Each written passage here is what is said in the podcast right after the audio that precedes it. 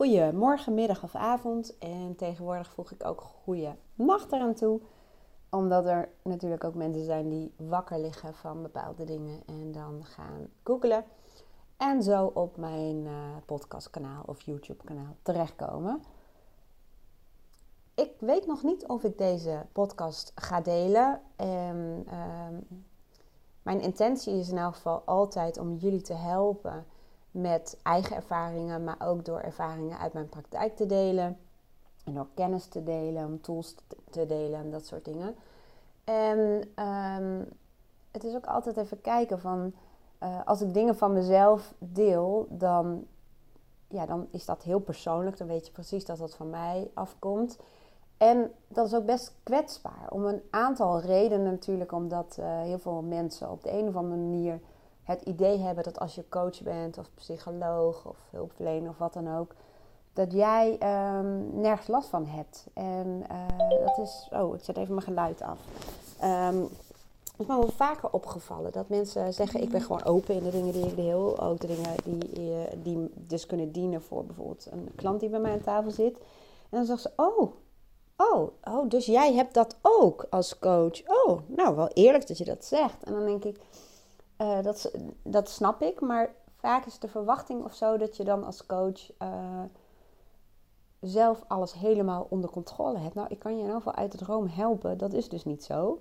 Bij mij is ook niet alles perfect. En, uh, nou ja, en mocht je naar iemand zoeken die dat wel heeft, dan ja, ben je dus bij mij niet aan het goede adres. Want iedereen is altijd aan het groeien. En uh, als je groeit, dan gaat daar aan vooraf altijd een soort van, ja, ze noemen dat een contrastervaring. Dus vanuit een probleem of ergens waar je tegenaan loopt, of iets wat niet comfortabel voelt, of niet goed voelt, of verdriet, of noem het allemaal op. Dat zijn eigenlijk de momenten waar vandaan je kunt groeien. Omdat elk, elke contrastervaring, um, daar zit eigenlijk ook een verlangen in. Dat is de kat die je op de achtergrond hoort. Die is niet van ons, maar die komt elke dag even binnenwandelen. Heel uh, schattig. En uh, nou, ik begin gewoon en ik kijk wel of ik het deel, of het uh, nou ja, voor mijn gevoel dan niet te kwetsbaar is. En, en dat is voor mij ook een dilemma, want ik denk, ja, juist die kwetsbare dingen, die dingen die jullie ook allemaal zullen herkennen, die zijn waarschijnlijk ook waardevol om A, ja, een stukje herkenning uh, te hebben, maar ook B, ehm, te kijken, nou, wat doe ik daar dan mee? Want dat is natuurlijk wel als je coach bent of uh, nou ja, in diezelfde hoek zit, hè, persoonlijke ontwikkeling, dan heb je natuurlijk wel veel tools en methodes en manieren tot je beschikking om weer verder te kunnen. Nou, dat is eigenlijk ook een beetje wat ik wil doen. Alleen ik doe het uh, spontaan. Ik heb het niet voorbereid. Uh, doe ik bijna niet. Uh, doe ik eigenlijk bijna nooit. En ik ga dus starten met het beschrijven van het thema waar ik mee bezig ben. En dat is in essentie een thema wat ik eigenlijk al mijn hele leven bij me draag. En dat is doodsangst. En angst voor verlies. Nou zijn dat nogal uh, fundamentele angsten die heel veel mensen zullen herkennen. Um, maar waarom het bij mij altijd een thema was en veel minder is, want dit is echt iets waar ik gewoon heel veel mee bezig ben geweest, is op het moment als het je belemmert in je dagelijkse functioneren. En uh, vroeger had ik echt, een, een, ja, echt wel een angststoornis. En die belemmerde mij absoluut in mijn dagelijks leven. Daar kom ik nog wel een keertje later op terug in een andere uh, podcast of YouTube. Um, maar soms merk je dat dat soort gevoeligheden, bij de ene is dat bijvoorbeeld een, uh, een angststoornis, bij de andere is dat een eetstoornis, bij een, nog weer een ander is dat een, een vorm van perfectionisme om controle te krijgen. Er zijn allerlei manieren waarop wij um, ja, omgaan met problemen die we tegenkomen in ons leven. Dus allerlei beschermingsmechanismen, laat ik het zo maar zeggen. Dus soms als er in mijn geval heel veel dingen gebeuren die een beetje nou ja, buiten mijn dagelijkse routine liggen, dan speelt de angst soms weer op. En daar bedoel ik mee, uh, dit, het is momenteel uh, augustus, het is vakantieperiode. En dat betekent dat uh, wij, dus Aaron, Lisa, Luca en ik bijvoorbeeld, en Lisa's vriend, nou, we zijn op vakantie geweest met z'n vijven. En daarvoor ben ik met Luca en Aaron een weekje weg geweest. En nou, mijn ouders gaan naar het buitenland. En mijn zusje met de kinderen gaan naar het buitenland. En dat zijn voor mij allemaal van die uh, nou ja, gelegenheden waarbij ik weer gewezen word op sterfelijkheid. En de betrekkelijkheid van het leven. En uh, op de risico's gewoon van reizen. En ik kan heel rationeel daar naar kijken. En ik weet ook heel goed dat statistisch gezien uh, vliegreizen bijvoorbeeld uh, super veilig zijn. En daar gaat het in essentie niet helemaal om. Maar het zijn dingen die um, uit het vertrouwde zijn, zullen we maar zeggen. En dat is bij mij in die zin, net als trouwens bij heel veel mensen ook, feitelijk wel dubbel. Want ik ben iemand die heel erg houdt van vrijheid, avontuur, um, spontaniteit en dingen ondernemen. En in mij heb ik ook behoefte aan uh, ritme, regelmaat, uh, structuur en vertrouwdheid. En vertrouwdheid is ook iets, um, ja, hoe moet ik het zeggen? Onze hersenen zijn ook geprogrammeerd om te overleven en om gevaar en pijn te vermijden. En daarbij geldt dat een vertrouwde situatie iets is wat onze hersenen heel graag willen behouden. Maar anderzijds um, is het als mens ook nodig om te groeien. Dus die, dat zijn twee dingen die elkaar lijken te bijten, maar die, die wel ja, nou ja, eigenlijk in ons als mens zitten. En dat is met dit natuurlijk ook. Want vakantie, dat is gewoon iets waar ik heel erg van geniet en waar ik naar uit kan kijken en wat ik geweldig vind. En dat geldt ook voor de mensen om me heen. Ik, ik, ik gun het mijn zusje en haar gezin ook dat ze op vakantie gaan genieten. En mijn ouders ook. En dat is eigenlijk de discrepantie, zo'n uh, zo'n zo'n zakelijk woord. Maar dat is eigenlijk wel uh, wat is. Ik gun het ze. Maar het is wel weer even zo'n momentje. Um, ja, dat je uit je vertrouwdheid raakt. Nou, ik hoop dat je snapt wat ik bedoel. Voor mij zijn dat dus triggers die mijn uh, angst, mijn doodsangst en mijn angst voor verlies op dat moment dus nou ja, daarboven halen, om het even zo te zeggen. Nou ben ik heel goed in staat om daarmee om te gaan. En merk ik al dat vroeger had bijvoorbeeld als ik het zou moeten schalen qua cijfer, hoe ik er last van had op een schaal van 0 tot 10, was het bijvoorbeeld een 7 of een 8. En nu krijg ik het in no time voor elkaar om daar een 3 of 4 van te maken. Dus dat is geweldig en dat heeft mijn leven ook zeker enorm veel verbetering gebracht. Um, maar als er heel veel van dat soort dingen zijn, ik ben ook heel erg aan het groeien, ik ben bezig met mijn bedrijf, uh, om, daar nog, uh, nou ja, een, soort, ik het zeggen, andere verdienmodellen ben ik uh, mee bezig. En ben wat dingen anders aan het, aan het regelen en het organiseren. Ik ben bezig met samenwerkingen. Kortom, er gebeurt eigenlijk heel erg veel. Um, ik wilde even terug naar, ja, ik, dat ik het voor elkaar heb gekregen inderdaad om nou ja, dat angstcijfer, laat ik het zo zeggen, naar beneden te krijgen. Maar omdat er zoveel gebeurt, merk ik gewoon dat ik meer behoefte heb aan ritme, regelmaat en rust. En even lekker reflecteren en alleen zijn of ontspannende dingen doen. En daar ben ik een beetje de mist in gegaan.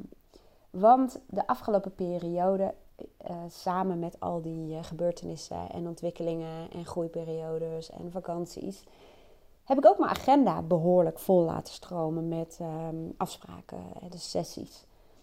En dat is heel fijn en heel goed. Maar dat betekent natuurlijk wel dat ik minder tijd heb voor rust en ritme en regelmaat. En dat is juist de truc in dit soort uh, periodes. Dat je dat eigenlijk gewoon goed bewaakt. En als je dat doet, dan merk je gewoon dat je je veel stabieler voelt en zekerder en ja, prettiger is mijn uh, ervaring.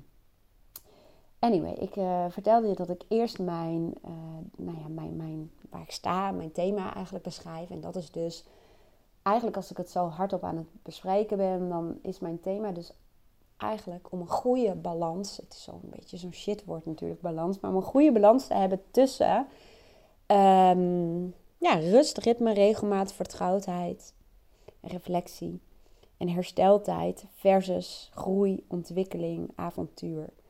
En bij mezelf en bij de mensen om me heen. En die balans uh, die is er op dit moment gewoon niet voldoende. En daar heb ik last van. Ik zal je vertellen hoe ik daar last van heb. Ik merk dat aan mijn energieniveau. Dat ik gewoon um, ja, wat onrustiger ben. Dat ik um, wat sneller vermoeid raak als we bijvoorbeeld een paar dagen te laat naar bed gaan. Je hebt gewoon, um, uh, je basis is gewoon wat dunner, om het even zo te zeggen. En ik merk dat ik duidelijk in mijn valkuil stap en dat is mijn wilskracht. Ik ben heel enthousiast, ik ben gedreven, ik ben uh, ondernemend. En ik, uh, het feit dat ik al zeg ik ben, betekent feitelijk ook dat ik me identificeer met die karaktereigenschappen of persoonlijkheidskanten van mezelf. Daar ligt al een gevaar. Op het moment namelijk dat je brein hoort van ik ben, dan is het onveranderlijk. Als je zegt ik heb de neiging om eh, heel erg op wilskracht door te gaan. Ik heb de neiging om heel enthousiast te zijn of het is typerend voor mij dat. Dan zeg je eigenlijk tegen je brein, het is veranderlijk. Dus dat is gewoon even een tip om als je zegt ik ben, om dat eens los te maken en te zeggen ik heb de neiging om of ehm, het typeert mij dat of een deel van mij of nou ja, het is mijn gewoonte om of ik heb de neiging om, nou dat soort dingen. En um, mijn wilskracht en enthousiasme en ideeënkracht kan ik het bijna ook wel noemen. Die zorgen ervoor dat ik vaak naast alle uh, cliëntafspraken ook nog heel erg veel bezig ben met ontwikkeling en leren. Want ik doe ook nog een studie uh, hiernaast. En dat zijn allemaal dingen die uh, echt wel wat van je hersenen en je lichaam vergen. En je snapt al wel dat uh, dat betekent dat dat ook energie kost. En ik vertelde al dat, uh, nou ja, dat ik dat dat ik minder energie heb. Dus eigenlijk is mijn thema balans vinden tussen rust, herstel en groei en avontuur en dat soort dingen. En ik heb, uh, of wat ik eigenlijk met jou wil doen, met mezelf dus ook, maar ook ik wil met elke podcast jou in elk geval inspireren met tools die jij kunt doen in jouw leven. En wat ik in zo'n geval vaak doe, is een voice dialogue sessie. Als je mij een tijdje volgt, dan weet je, ken je dit woord en dan weet je ook wat ik daarmee bedoel. Heel kort door de bocht gezegd. Um, dan gebruik ik even de metafoor van een boek. Ik en mijn ikke. En die zet ik ook wel eventjes uh, onderaan uh, deze podcast, YouTube of blog. Ik weet niet waar je hem leest of hoort. Um, in dat boek gebruikt ze een metafoor. Zegt ze, iedereen heeft als het ware een levensbus. Zie dat maar voor je. Jij zit daar als het goed is aan het stuur van jouw eigen bus. En in jouw bus zitten al jouw persoonlijkheidskanten die zich in, de, in, ja, in jouw leven hebben ontwikkeld. En een persoonlijkheidskant is in mijn geval bijvoorbeeld de pusher die altijd maar door wil gaan. Of de wilskrachtige of de uh, creatieve die altijd maar ideeën heeft. Um, in die bus zitten primaire delen of kanten van jou die, die je heel vaak inzet. Hè. Dat is allemaal onbewust wat we hier aan het doen zijn. Angst is bijvoorbeeld ook zo'n primaire kant. En soms neemt die bijvoorbeeld jouw stuur over. En dan raak je ook de regie over je emoties kwijt. En dan lijkt het alsof je um, overgeleverd bent aan je emoties. We hebben ook verstoten delen of kanten in onze bus. En in mijn geval is dat absoluut mijn onbevangen, zorgeloze kant. En helaas pindakaas momenteel ook wat meer mijn relaxte kant. En dat komt omdat mijn uh, wilskracht, mijn, mijn pusher en mijn creatieve kant altijd maar door willen. En vol zitten met ideeën en dat willen laten uitvoeren. En als ik niet oplet, dan zitten die bij van spreken aan mijn stuur. En dan verlies ik het andere uit mijn ogen. En in mijn geval is het andere vooral mijn nou, relaxedheid, relaxte kant en ontspannen en herstellen omdat op het moment dat ik tijd heb en ruimte heb en energie heb, dan hoppa, meteen ga ik van alles en nog wat doen. Oké, wat ik in zo'n geval doe, en nogmaals, luister maar op andere podcasts, maar dan uh, zie je dat ik dat ook echt af en toe voordoe, hoe je dat zou kunnen doen bij jezelf. En dat is dan nodig ik eigenlijk bijvoorbeeld mijn wilskracht uit of mijn, um, mijn pusher. En dan ga ik daar letterlijk en figuurlijk mee in gesprek. En dit klinkt echt debiel, ik snap het, ik weet het. Maar toch is het super, super effectief doe bij heel veel eh, klanten van mij. En daardoor worden altijd de meeste doorbraken geforceerd eigenlijk op een hele fijne manier.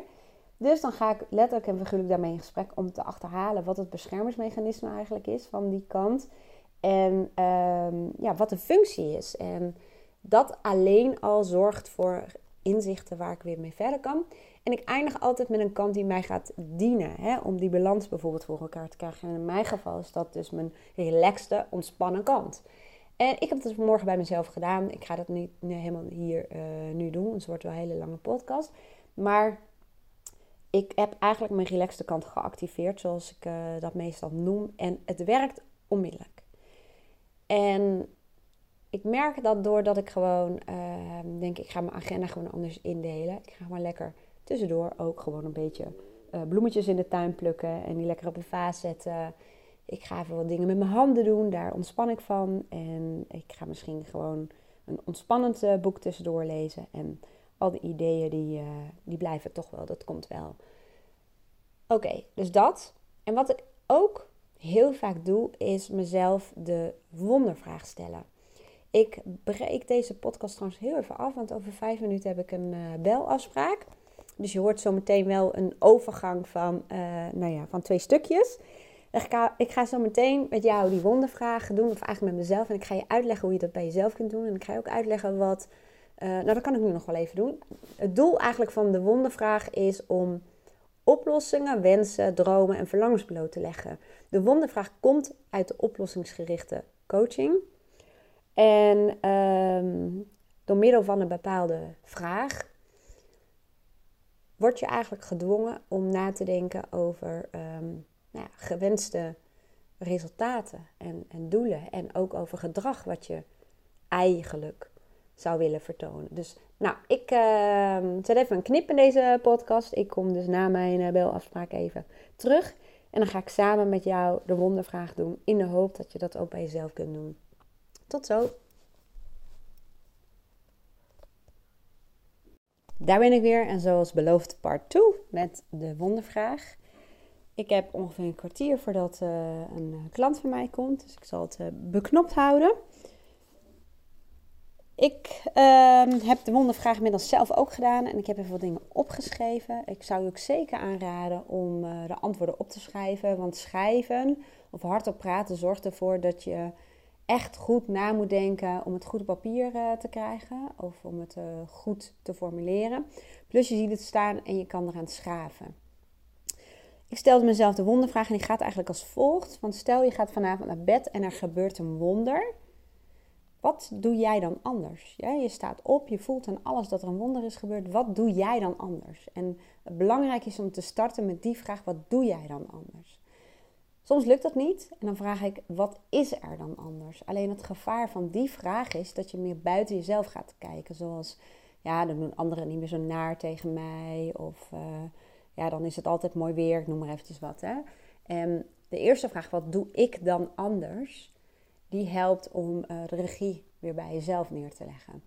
Wat soms ook helpt om even afstand van jezelf te nemen. Wat zie ik mezelf dan anders doen? Of wat merken mensen dan aan mij wat anders is? Dus je kunt variëren op die vraag. Nou, dat kan ik nu even niet uh, doen in deze podcast.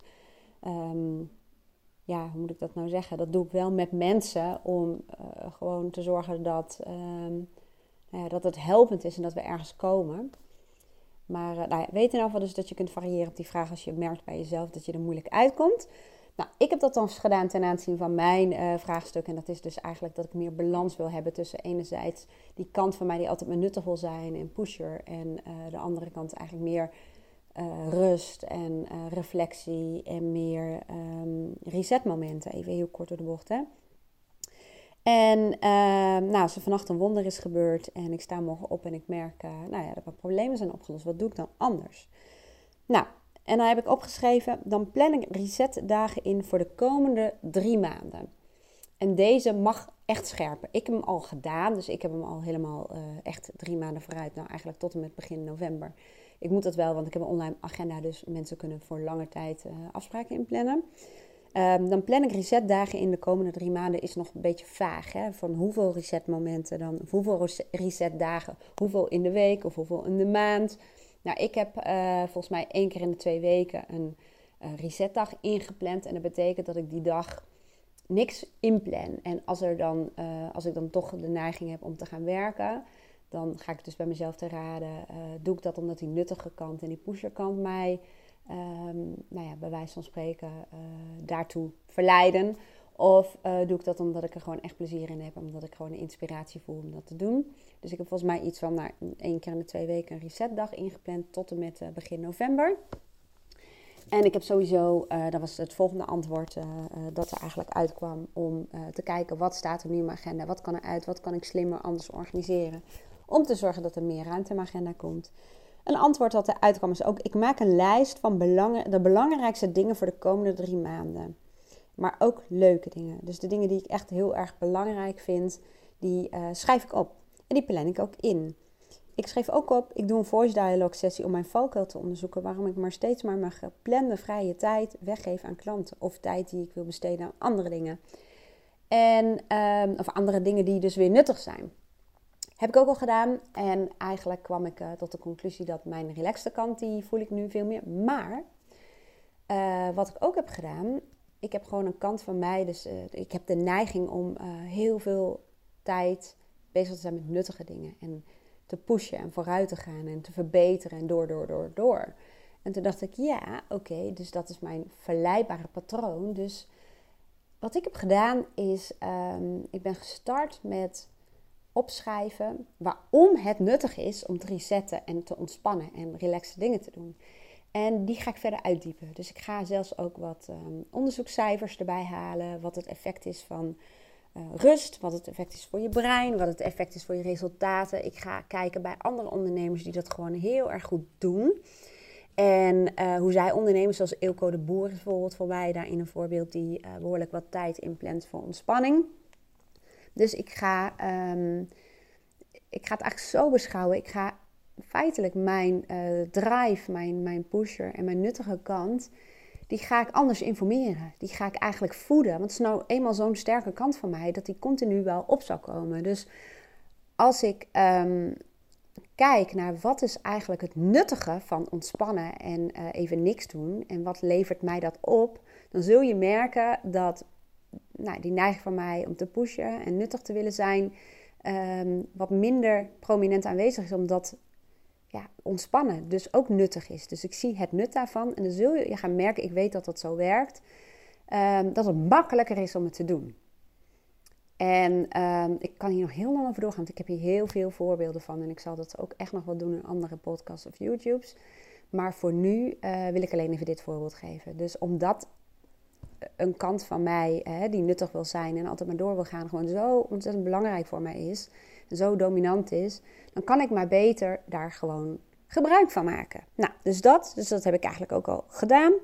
Uh, wat er ook uit kwam, ik plan een aantal ontspannende dingen in die uh, bijdragen aan mijn waarde of die horen bij mijn persoonlijke waarde.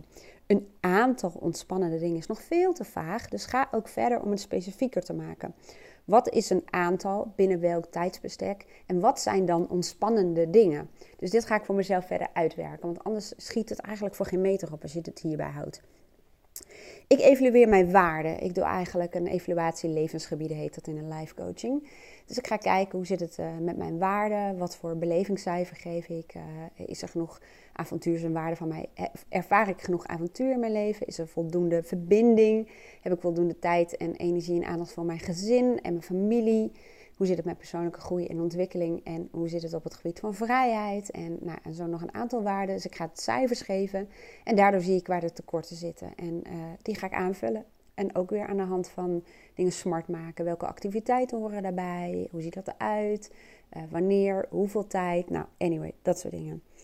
Um, wat er nog meer uitkwam. Ik ga uiterlijk om een kwart over tien slapen door de week. En ik stem dit af met Aaron. Want uh, ik functioneer gewoon echt het allerbeste op um, nou ja, een nacht van 7,5 tot 8 uur. Waarbij um, je slaap effectiviteit. Dus je slaapkwaliteit is natuurlijk ook heel bepalend. Dat is ook heel belangrijk. Maar mijn ervaring is dat dit voor mij gewoon heel goed werkt. Um, de volgende antwoord dat uit de wondervraag kwam is: ik veeg wat dingen uit mijn agenda. Nou, vager kun je het bijna niet krijgen. Hè? Dus die hoorde eigenlijk bij mijn tweede puntje volgens mij dat ik mijn agenda ga analyseren en kijken of er dingen uit kunnen. Of anders georganiseerd kunnen worden, of uitgesteld kunnen worden, of, of kunnen, verkort kunnen worden. Dat bedoel ik er eigenlijk mee. En dat heb ik ook al gedaan. Wat mij ook altijd helpt om uh, wat ontspanning te voelen en wat, uh, ik, wat, nou ja, grip zou ik bijna zeggen in een situatie of in een periode waarin er gewoon heel veel speelt, is opruimen. En opruimen, en bedoel ik mee mijn computer, mijn uh, bakje met to-do dingen, letterlijk en figuurlijk in huis. mijn klant komt eraan, dus er komt nog een fase 3 aan van deze podcast. Tot dan! Hey, ik vertelde je dat er nog een uh, fase 3 aankwam voor deze podcast. Nou, dat ga ik niet doen, want dan uh, word je helemaal knettergek van die lange podcast of YouTube. Wat ik wel doe, ik ga gewoon uh, de wondervraag, ehm, het format daarvan voor je klaarzetten op wendyborst.nl slash wondervraag. En ik neem ook even het linkje op onderaan deze YouTube of podcast of mijn blog. Ik weet natuurlijk niet of je op YouTube kijkt of op Soundcloud of wat dan ook. En dan kun je gewoon zelf aan de slag. Want ik kan uren door blijven lullen over hoe ik die uh, toepas. Uh, en als je mij mijn gang laat gaan, dan doe ik dat dus ook.